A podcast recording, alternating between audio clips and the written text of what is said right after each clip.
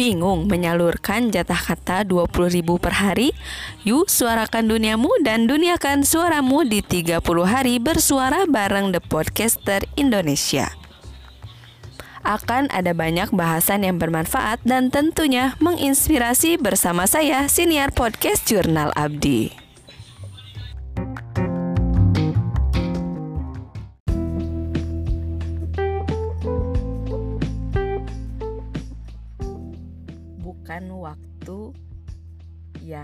Tidak cukup, tapi berkah waktu yang kita miliki. Budi Asari. Jangan salahkan waktu yang tidak cukup, tapi sesalilah usahamu yang tidak banyak. Quotes yang saya dapat di bacaan belakang truk. Assalamualaikum sahabat podcast Jurnal Abdi Semangat pagi, semangat kembali lagi menyimak episode keberapa ya? ya, episode kali ini temanya tentang waktu Di episode ketiga, kalau ke entah kedua, entah ketiga di podcast ini saya menyiarkan tentang bincang buku Aku dan Waktu Menjadi Satu. Buku Aku dan Waktu Menjadi Satu adalah trigger, penggerak, di mana saya harus memperbaiki waktu yang saya punya. Bayangin dong gitu ya, saya yang dulu orangnya istilahnya kalau kata bahasa Sunda ngarau kusiku gitu ya ingin segala dilakoni uh, akhirnya mendapat ujian, akhirnya mendapat teguran tentang banyaknya peran yang diambil, namun tidak selesainya amanah yang uh, saya terima. Maka dari situ saya merasa oke, okay, waktu saya harus saya manage dengan baik. Dan ternyata waktu yang bisa di manage dengan baik itu berkaitan erat dengan manajemen diri yang baik. Kalau manajemen dirinya yang baik, dia bisa mengambil peran, dia bisa sadar diri mana pekerjaan, mana peran yang bisa dia prioritaskan, mana peran yang bisa dia tunda dulu e, kerjakan gitu. Dan mm, sebaik-baik manajemen waktu adalah sebaik-baik orang yang manajemen dirinya baik. Artinya, orang yang konsep dirinya baik, insya Allah manajemen waktunya juga akan baik. Ketika mendapat quotes dari Ustadz Budi Asari tentang bukan waktunya yang tidak cukup, tapi berkah waktulah yang tidak kita miliki, itu membuat saya benar-benar tertampar. Oke, dari waktu yang Allah berikan kepada kita tidak akan Allah kurangi, tidak akan Allah lebihkan. Semua orang sama jatahnya 24 jam, tapi ternyata uh, ketika itu saya berusia 28 tahun. Bayangin 28 tahun Allah berkahkan waktu pada kita, berkahkan usia pada kita berikan kesempatan waktu 24 jam selama 28 tahun tapi ternyata waktu yang kita punya itu tidak berkah. Banyak amanah yang saya ambil bahkan mungkin beberapa amanah yang saya pinta. Banyak pula e, peran yang saya ambil. Banyak pula e, tanggung jawab yang harus saya penuhi tapi kebayang gak sih dari waktu yang banyak yang Allah berikan kepada kita, dari peran yang Allah berikan kepada kita ternyata tidak berkah.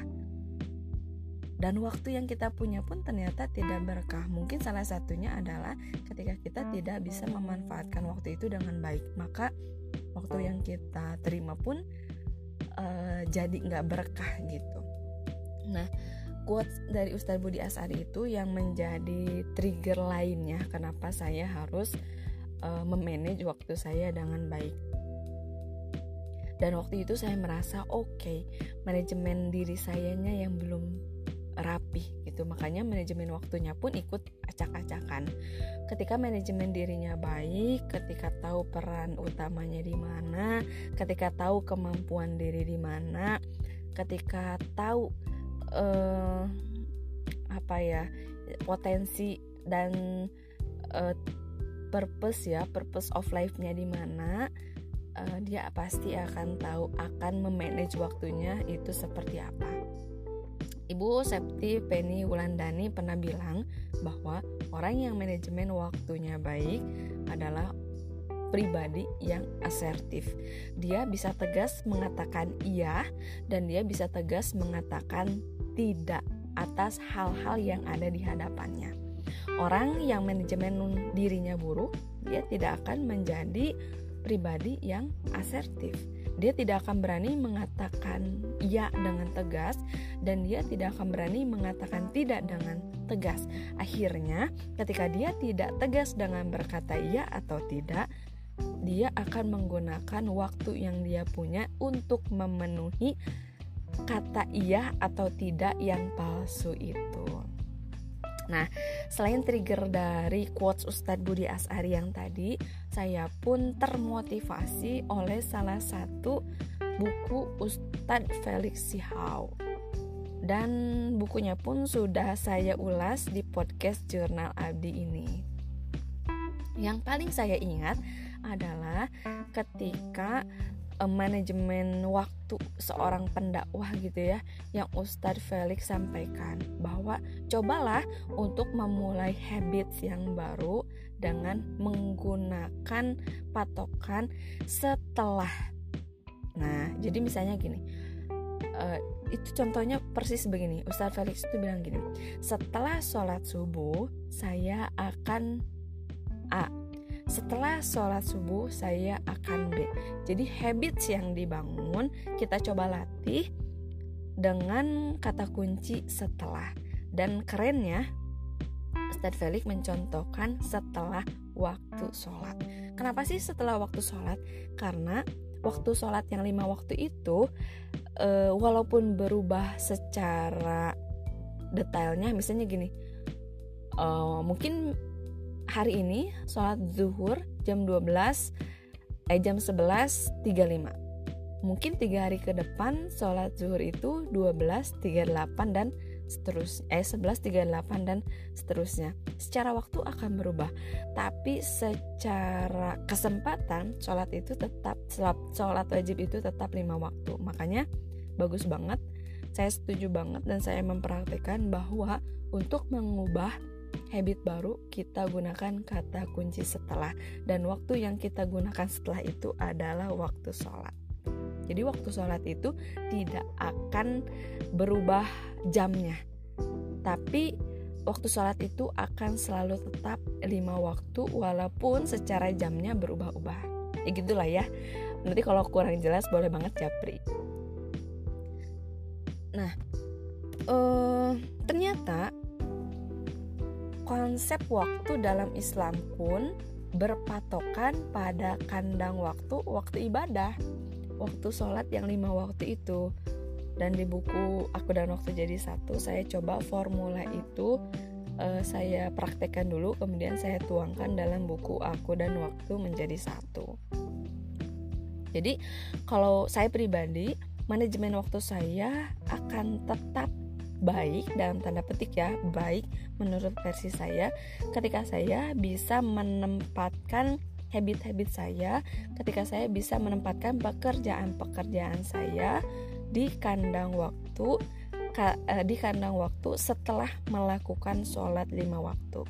Setelah sholat subuh maka peran saya sebagai hmm, apa ya katakanlah uh, ibu rumah tangga gitu ya di mana mengerjakan pekerjaan-pekerjaan domestik. Dan setelah sholat zuhur biasanya saya menjalankan peran sebagai wanita. Wanita di situ maksudnya saya ingin menjadi sosok yang seperti apa. Artinya setelah sholat zuhur biasanya saya belajar apa yang ingin saya pelajari. Nulislah eh, nyatet kulwap kah menyimak YouTube kah dan lain sebagainya. setelah asar. Nah, biasanya uh, waktu ini adalah waktu kami pertama kali berkumpul ya. Suami pulang dari pekerjaan, anak selesai sekolah atau yang lainnya. Dan biasanya waktu ini lebih fleksibel sih. Ya kita ngerjain apa aja sesuai dengan yang kita mau juga boleh gitu setelah sholat asar. Dan seterusnya gitu. Dan ternyata Rasulullah pun melakukan hal yang sama. Tapi mungkin uh, saya belum mengadaptasi yang habit Rasulullah yang ini. Jadi Rasulullah itu menggunakan waktu duha jadi dari duha ke uh, zuhur untuk uh, belajar. Dan saya belum melakukan itu masih melakukan pekerjaan domestik. Dan uh, dari manajemen waktu ala Islam Rasul yang Rasulullah contohkan waktu setelah sholat asar adalah waktu keluarga berkumpul dan ya saya rasakan itu saya diingatkan dengan testimoni yang Teh Ina Hanafiah, Ketum PP Pemudi Persis sampaikan ketika memberi testimoni buku aku dan waktu menjadi satu. Teh Ina mengingatkan saya bahwa waktu itu ibarat uh, pedang di mana dua sisinya itu tajam. Nah, waktu itu tajam. Jika kita menggunakan kedua sisinya dengan baik, maka kita akan selamat. Tapi ketika kita tidak bisa menggunakan sisi kedua sisinya dengan sembarangan, maka kita pun akan celaka. Sepertinya pembahasan waktu akan panjang lebar, namun ya saya hanya membahas trigger-trigger yang saya dapat ketika menyusun buku Aku dan Waktu menjadi satu. Cukup sekian episode kali ini. Wassalamualaikum warahmatullahi wabarakatuh. Hidup untuk berbuat, berbuat untuk bermanfaat.